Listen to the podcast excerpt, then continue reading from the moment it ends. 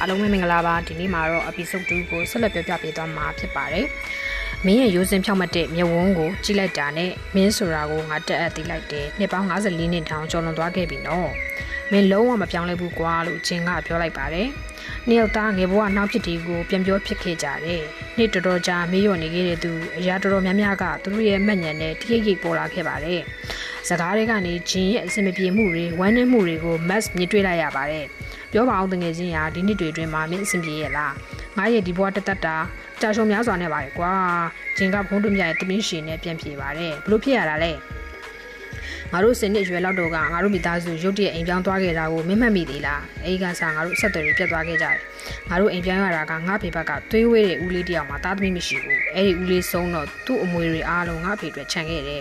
ဒါကြောင့်အဲ့ဒီတော့ငါတို့လူတိလူတိတိတ်တိတ်လေးအိမ်ပြောင်းခဲ့ကြတယ်ဒါဟာလဲငါဖေကသူ့အမွေရလိုက်တဲ့အကြောင်းချားသူကမသိစေချင်တာပါဒါနဲ့ငါတို့အစောတင်အိမ်ပြောင်းတယ်ကားလဲလိုက်တယ်အိမ်ကြီးချင်းတငယ်ချင်းအားလုံးအစ်စ်တွေဖြစ်ကုန်တယ်အဲဒီကစားမင်းနဲ့ငါဆက်တယ်ပြတ်သွားတော့တာပဲနော်။ အော်ဒါကြောင့်ကိုငါတို့တငယ်ချင်းတွေအားလုံးကမင်းတို့မိသားစုဘာများဖြစ်တာပါလဲလို့မေးခဲ့ကြတယ်။ဒါနဲ့မင်းတို့မိသားစုတကယ်ပဲအဲ့လောက်အမွေတွေရလိုက်တာလား။ဟုတ်တယ်။အဲ့ဒီထဲမှာအမျက်စွန်းများတဲ့အမွေတစ်ခုပါတယ်။အဲ့ဒါကတော့စီးပွားဖြစ်လက်ပါအားကောင်းနေပြီအမျက်စွန်းများတဲ့အထေလေးစိတ်ယုံကြီးတယုံမှာပဲ။အဲ့ဒီစိတ်ယုံကိုငါဖေလက်ထဲရောက်တော့စီးပွားပူဖြစ်ခဲ့တယ်။ဒါပေမဲ့ငါဖေဆုံးသွားတဲ့အချိန်အဲ့ဒီစိတ်ယုံကိုငါဆက်အုပ်ချုပ်တယ်။မမျောစရာပဲကွာငါကံမကောင်းခဲ့ဘူး။ရဲရအရှုံးတွေပဲရင်ဆိုင်ခဲ့ရတယ်။ဘလို့ဖြစ်ရတာလဲကွာလို့မတ်ကမေးပါတယ်။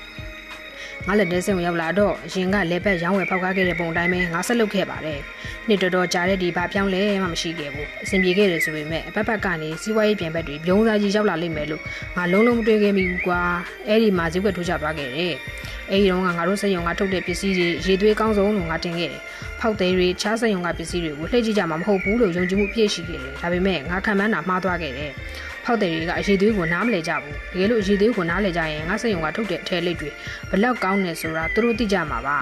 ဒီလိုနဲ့ချပစ္စည်းတစ်တွေဈေးကွက်မှာမှုလို့ပေါက်လာခဲ့တော့တယ်ဂျင်ကတပြင်းတစ်ချက်ချလိုက်ပါတယ်မလာပါခဲ့တဲ့အတိတ်ကိုပြန်ပြောရတာဟာဘလို့မှပြောကြမကောင်းပါဘူးမက်စလဲဘာပြောမှမသိလို့ဘာတန်းမှမထွက်ခဲ့ပါဘူး နောက်နေ့ဆက်ပါမယ်ရှင်အားလုံးကိုကျေးဇူးတင်ပါတယ်